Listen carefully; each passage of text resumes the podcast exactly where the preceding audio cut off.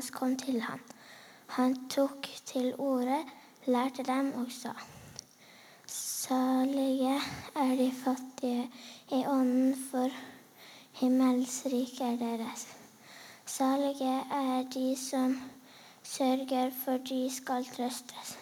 Salige er de nedbøyde, for de skal arve jorden.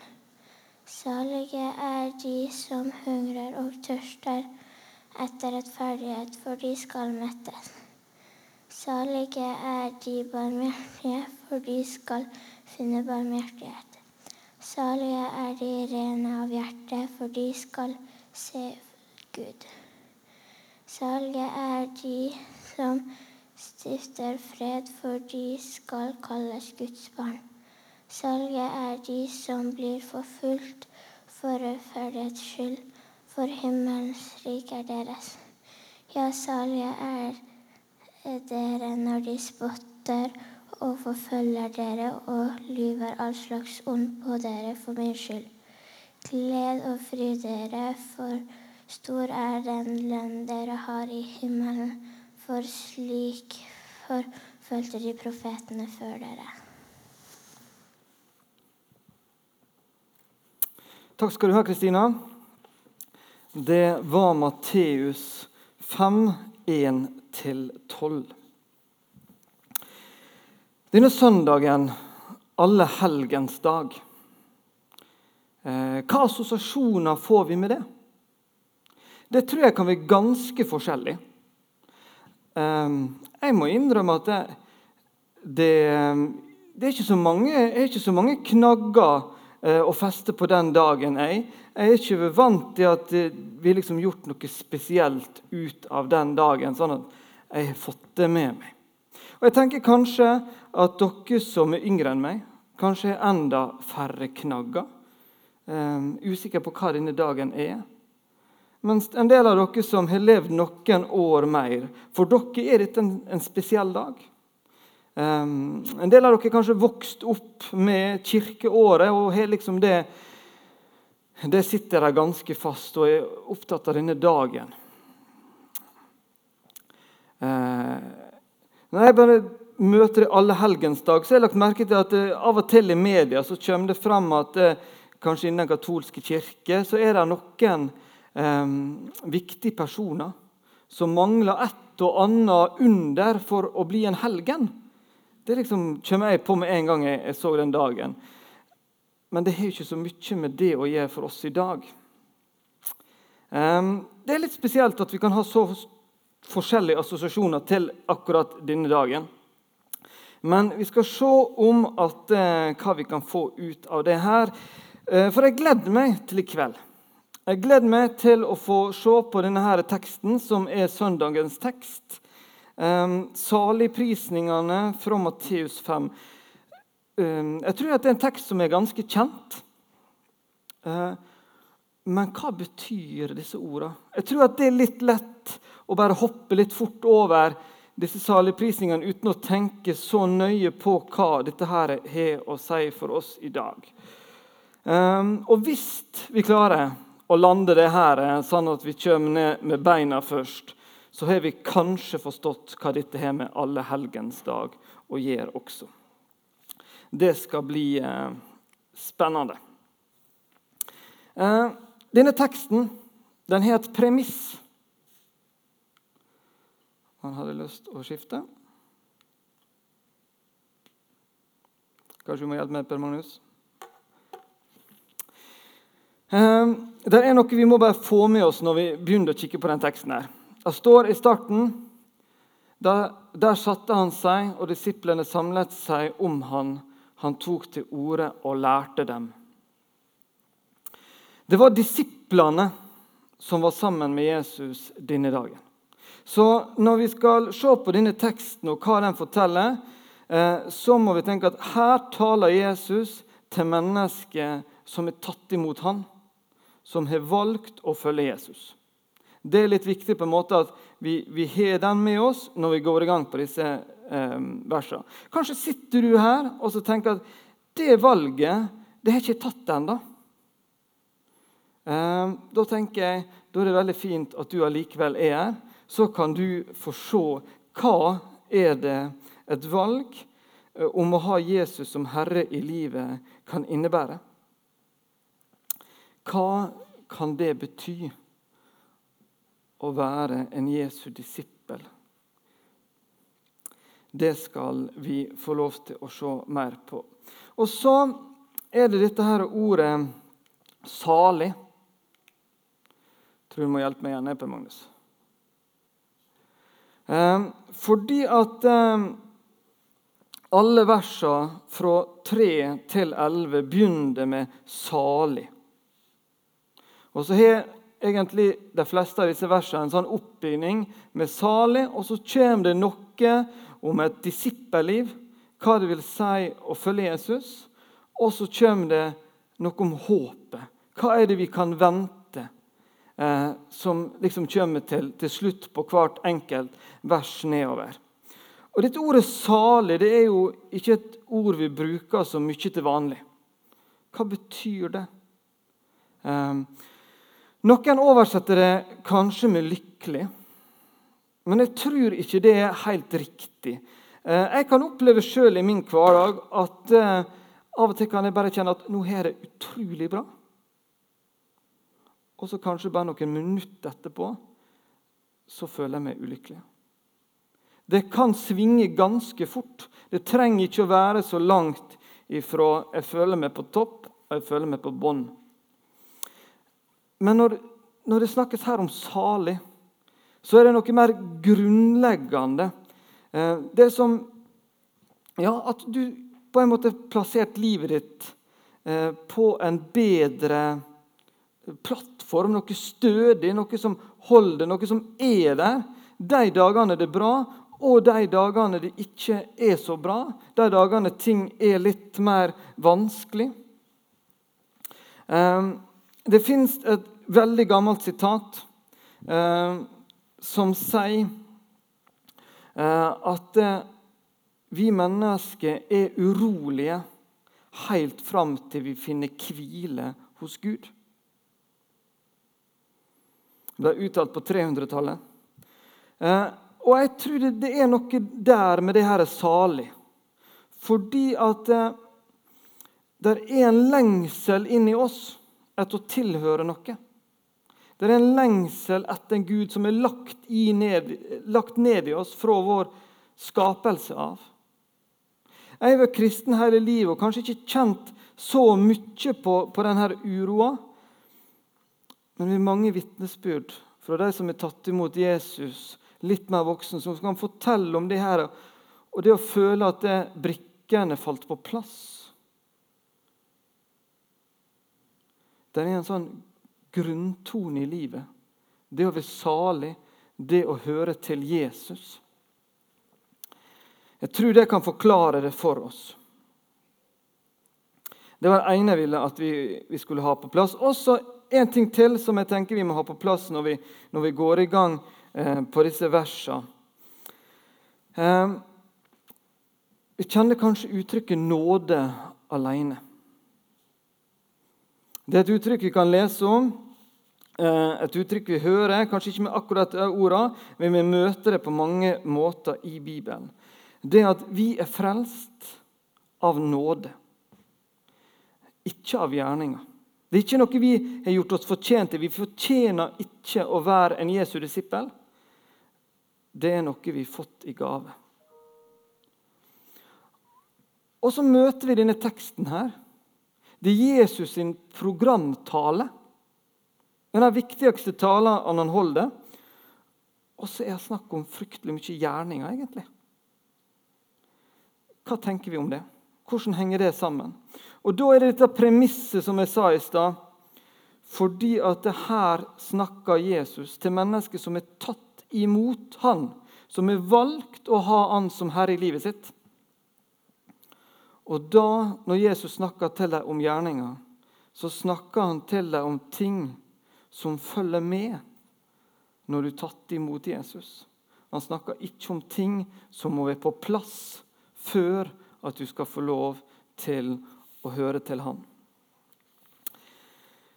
Han snakker om et disippelliv som vi skal få lov til å leve mer og mer ut, dette som vi får lov til å leve sammen med han. Et disippelliv som vi kan få lov til å oppfordre hverandre til å leve ut. Og et disippelliv som vi skal be om kraft til å få lov til å leve ut. Jeg prøvde å lage til et lite skjema. Jeg eh, skal få opp en tabell jeg håper at det er så stor skrift at dere klarer oss å, å lese dette. her. Prøv også å sette opp dette her litt skjematisk, det som står i disse versene.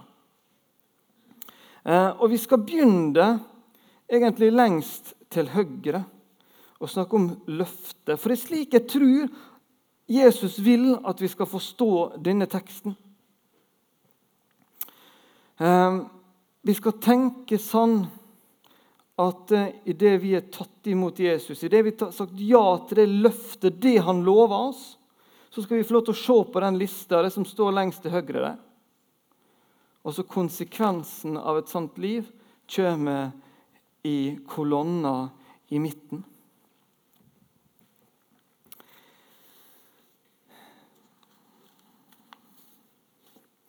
Himmelhåp. Himmelen er deres, starta det med. Vi har noe å se fram til. Vi har noe å lengte etter. Men så står det også 'skal trøstes'. Og så står det noe om at himmelen er jo en plass der det ikke fins tårer, der det ikke fins ondskap. Så trøsten, den må høre til her, på denne jorda. At vi skal faktisk få lov til å tenke om himmelen. Den hører til deg som er tatt imot Jesus. Og så kommer at vi skal trøstes. At vi har et håp i Jesus om at vi skal få oppleve trøst. Og at de som er tatt imot Jesus, skal få lov til å være med og trøste. Noen stiller jo av til spørsmålet hvordan kan du tro på Gud når du opplever så mye vondt og vanskelig.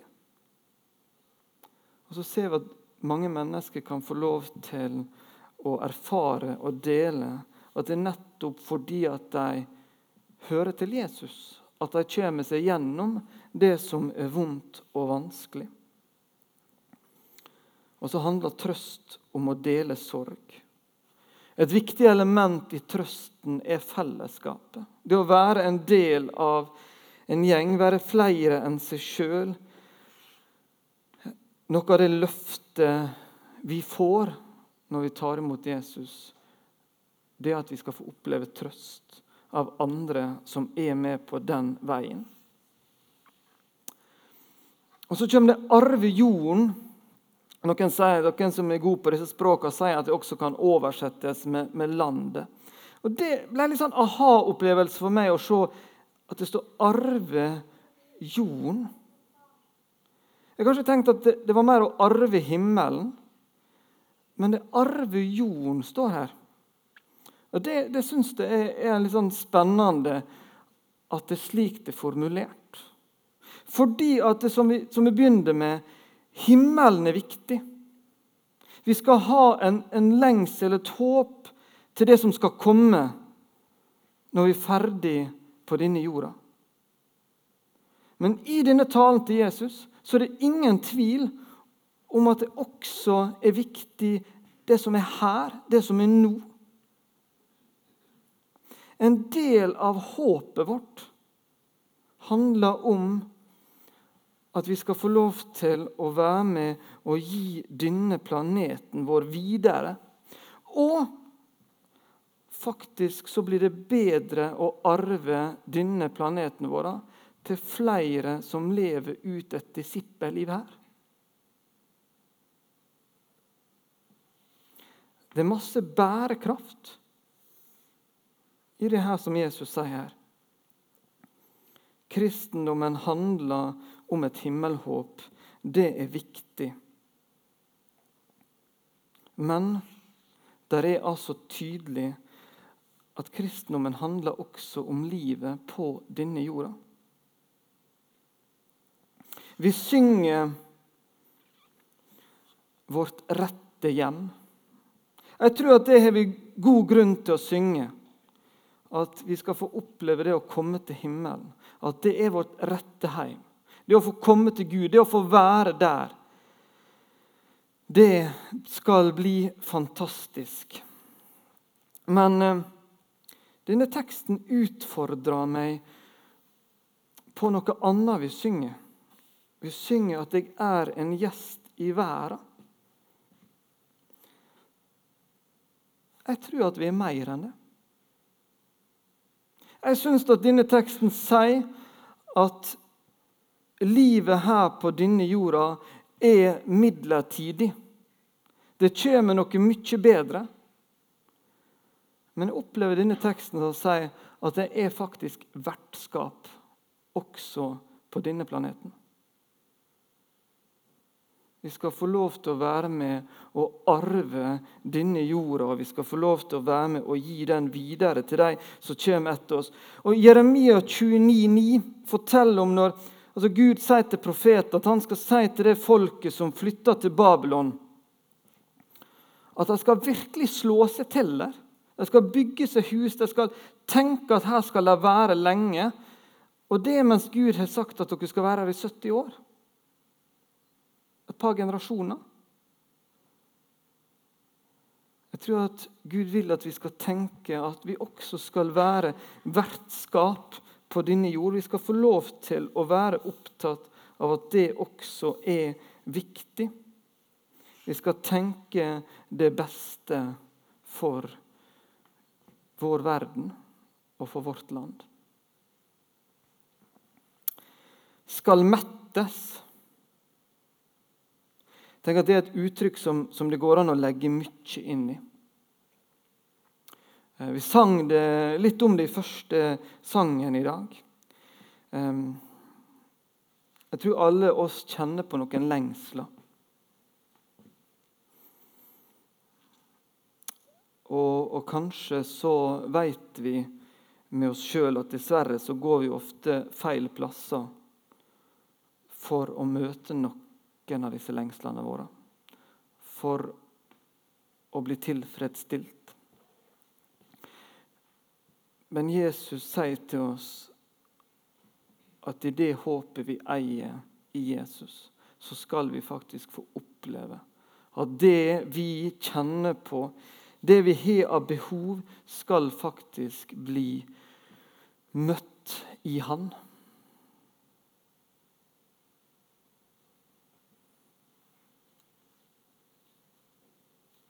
Vi skal få lov til å kjenne at behovene vi har, de finner sitt mål i Han.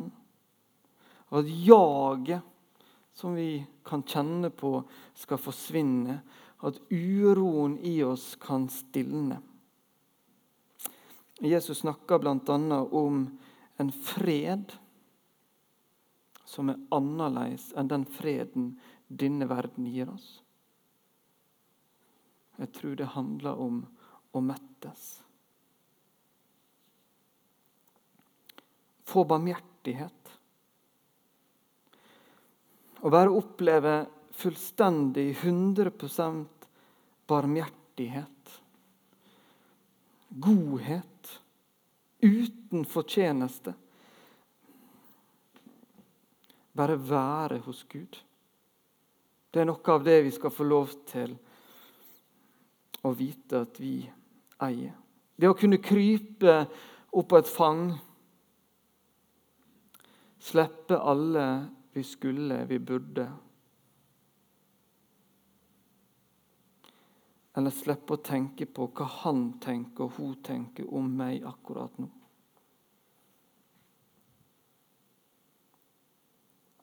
Å se Gud, bli kalt hans barn. Tenk å oppleve at den allmektige, den evige, den allvitende Han ser deg djupt inn i øynene, og så sier han navnet ditt. Og så sier han at eh, du er min.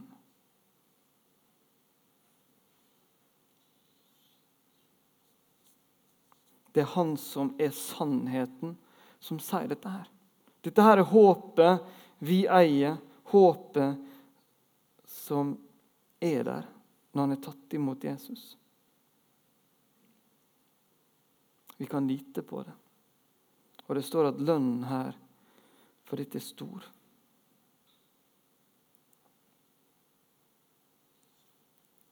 Jesus ønsker å vise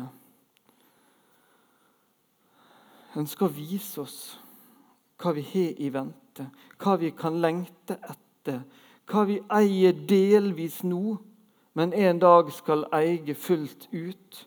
At det beste, det ligger der foran oss. Derfor skal vi få lov til på alle helgens dag Kanskje noen av vi som ikke er så vant til dette navnet, blir litt eh, ja, vi, Det navnet forstyrrer det litt for oss. Vi skal ikke tenke så mye på helgena, men vi skal tenke på å minnes de som er gått foran oss. De som har fått dette her fullt ut allerede. Det som vi skal få lov til å lengte etter.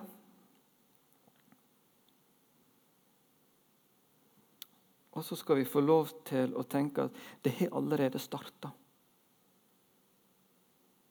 Det er allerede her på denne jord, i vår verden. Nå så, Guds rike, så er Guds rike en realitet for oss.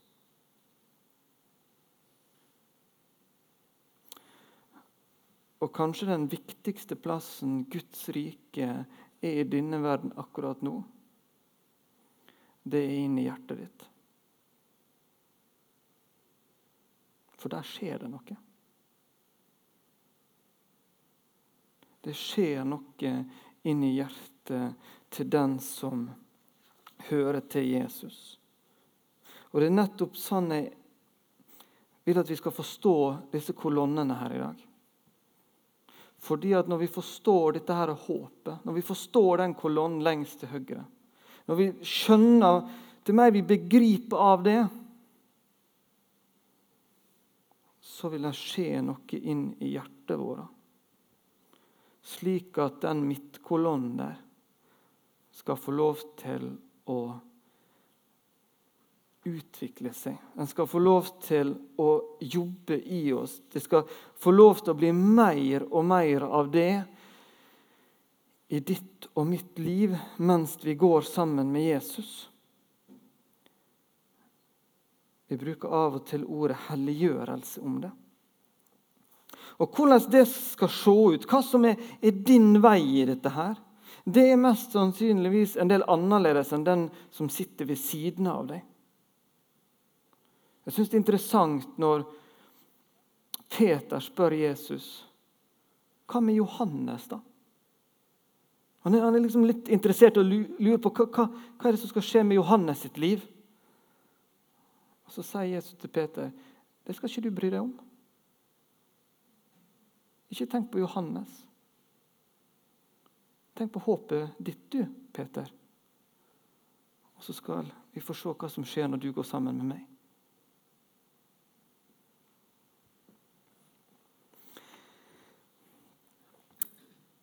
Når vi snakker om, om livet, når vi snakker om disippellivet og rett og galt, så tenker vi kanskje fort eh, på de ti bud. Vi begynner å tenke på dem.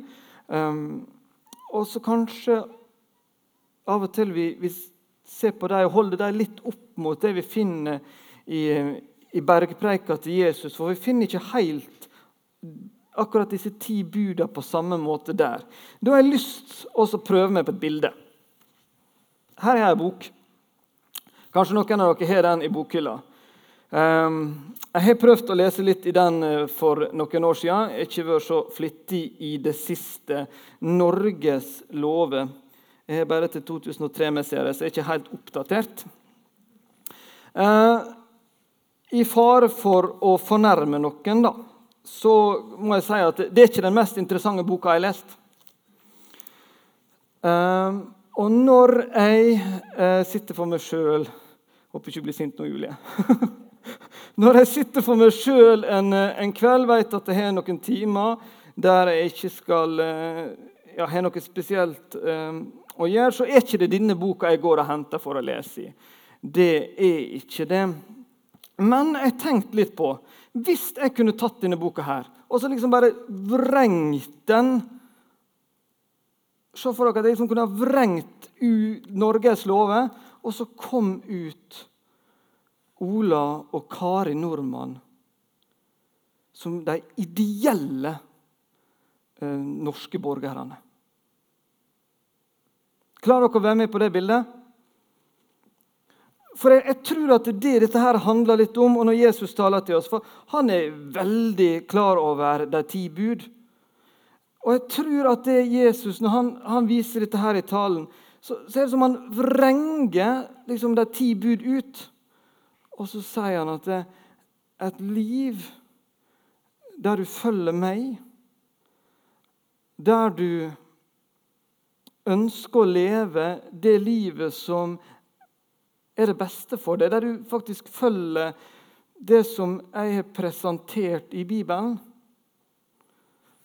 da ser det litt sånn ut som denne midtkolonna her. Det er liksom det er de ti bud i praksis. Jeg tror at vi kan, vi kan tolke det slik.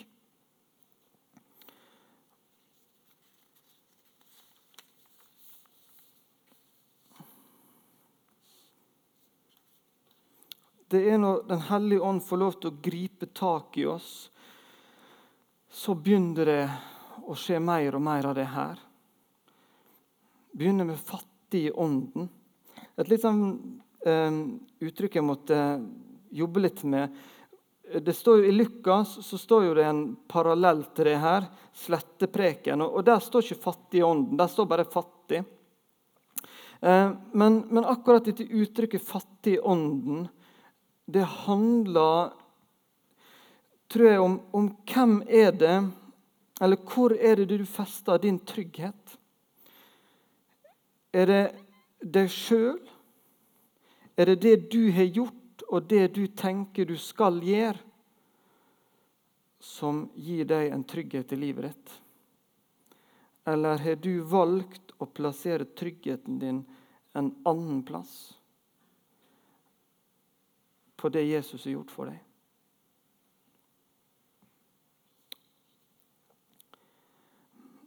Det kan, det kan uh, se forskjellig ut, den prosessen.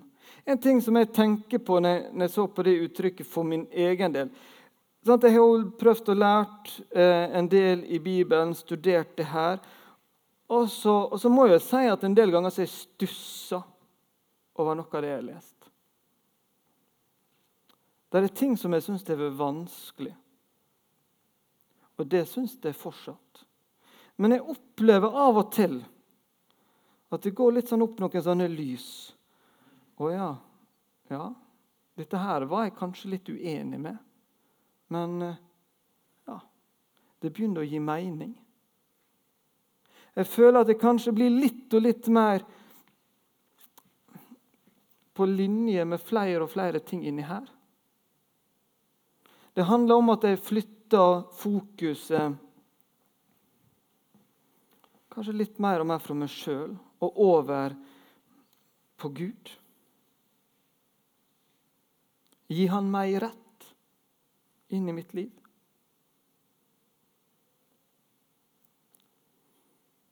Sørger, står det. Hvem sørger? Den som enten har opplevd noe vondt, eller så er det den som har medfølelse. Den som sørger med noen. Den som har empati. Den som bærer andres byrde. Den som er villig til å se en annen, person sin situasjon. Den som er villig til å ta på seg noen andre sine sko. Den tenker den er med og sørger. Et medmenneske. En medvandrer. Litt lenger nede så står det barmhjertighet.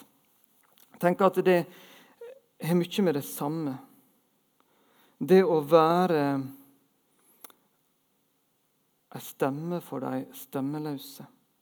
Være med å rekke opp hånda for de som ikke klarer det sjøl. Kjempe for de som er rangert nederst.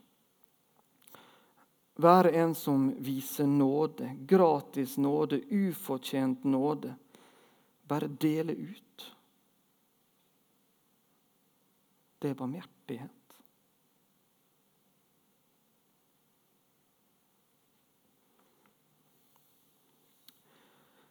Ydmyke. Jeg tror at vi har lett eh, for å bli stolte. Kanskje vi har hver og en av oss har det. Og I tillegg så, så lever jo vi kanskje verdens beste land. Vi har fått til mye her i dette landet. Så tar vi kanskje litt fort og tenker at når det går bra, så er det mi fortjeneste. Bibelen snakker ganske mange ganger om det her også. Dyrke det skapte i stedet for skaperen. Det å la æren tilhøre Han som har gitt oss alle talenter. Han som har gitt oss alle de gode forutsetningene. Han som har lagt til rette for mye av vår suksess.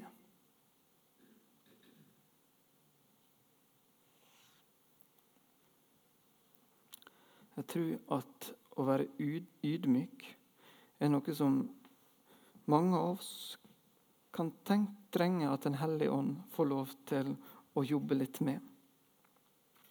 Reine av hjertet. Jeg sa noe i stad om også det å har skapt i Guds bilde. Hva det betyr helt og fullt å være skapt i Guds bilde, det tror jeg vi kan snakke lenge om. Men, men noe noe av det som ligger i det uttrykket, er at Gud sjøl har lagt ned en morallov i oss. En samvittighet. Og vi tror vi kan ha opplevd det alle sammen, at det å være på linje med samvittigheten vår Det er fantastisk godt å bare vite at nå har jeg gjort det som er rett. Det å, det å, ha nok tid i livet vårt til å få puste litt med magen og tenke etter Hva er det som egentlig nå er rett å gjøre? Og Så kan det hende at Guds ord trenger å jobbe litt med oss og, justere litt det her kompasset som ligger i oss. Men å være rein av hjerte,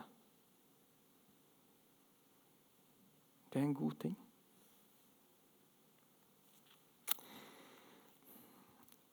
Rettferdighet. Forfulgt for å gjøre det rette. Det er flere begrep her som um, henger litt sammen, og som jeg tenker en, uh, kan ha flere betydninger. Det å ha tatt imot Jesus, det å få lov til å oppleve at det han har gjort for oss, som gjør oss rettferdige. Det å være rettferdig overfor Gud. Det er helt klart en betydning i det Jesus ønsker å si oss. Men det å oppleve å skape rettferdighet i verden Jeg syns det var en flott opplevelse på um, onsdag å gå i fakkeltog ute i byen for forfulgte kristne.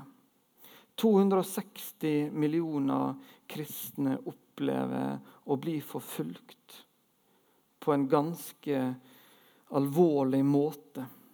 Og mange av disse opplever å havne bakerst i køen nå når det skal utdeles mat, medisin, andre nødvendige ting pga. den pandemien vi er i. Og ikke bare kristne men andre religiøse, etniske minoriteter som havner langt bak i kua, som ikke opplever rettferdighet. De skal vi få lov til å være med og kjempe for. Det er ak akkurat nå så er det mennesker som er på grensen til å dø av sult i vår verden fordi at de ønsker å tilhøre Jesus. Og I Lukas 3 så føler jeg meg veldig utfordra av et konkret eksempel. En menneske som snakker med døperen Johannes mens han står ute i ørkenen der og døper og forkynner. Og så spør han hvordan skal det se ut at noen er tatt imot Jesus. Og så sier han den som har to kjortler, skal gi fra seg den ene. Den som har mat, skal gjøre det på samme måten. Det er veldig praktisk.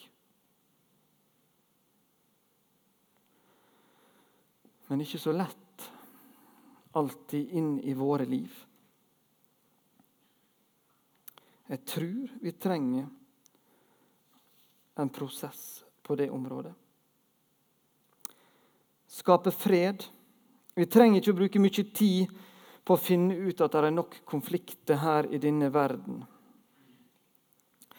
Vi trenger, at vi trenger fredsmeglere, det er opplagt.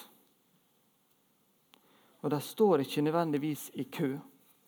Jesus trenger noen hender og føtter rundt omkring i verden som kan hjelpe å føre mennesker sammen igjen. Noen som kan være med og gjøre ting godt igjen. Noen som kan være der for å plastre, for å spjelke, for å bandasjere. Både i konkret og i overført betydning.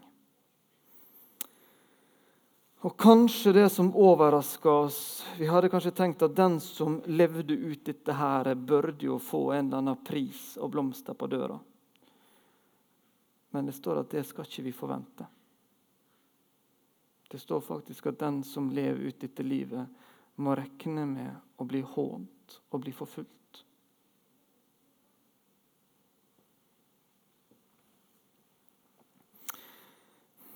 Jeg ber om at dette håpet det må få lov til å vokse i oss. Jeg ber om at vi får lov til å se mer av det som vi eier, og som vi har i vente i et liv sammen med Jesus. Så ber jeg om at Den hellige ånd skal få lov til å jobbe i oss, sånn at vi kan få lov til å litt og litt nærme oss den der søyla i midten. Amen.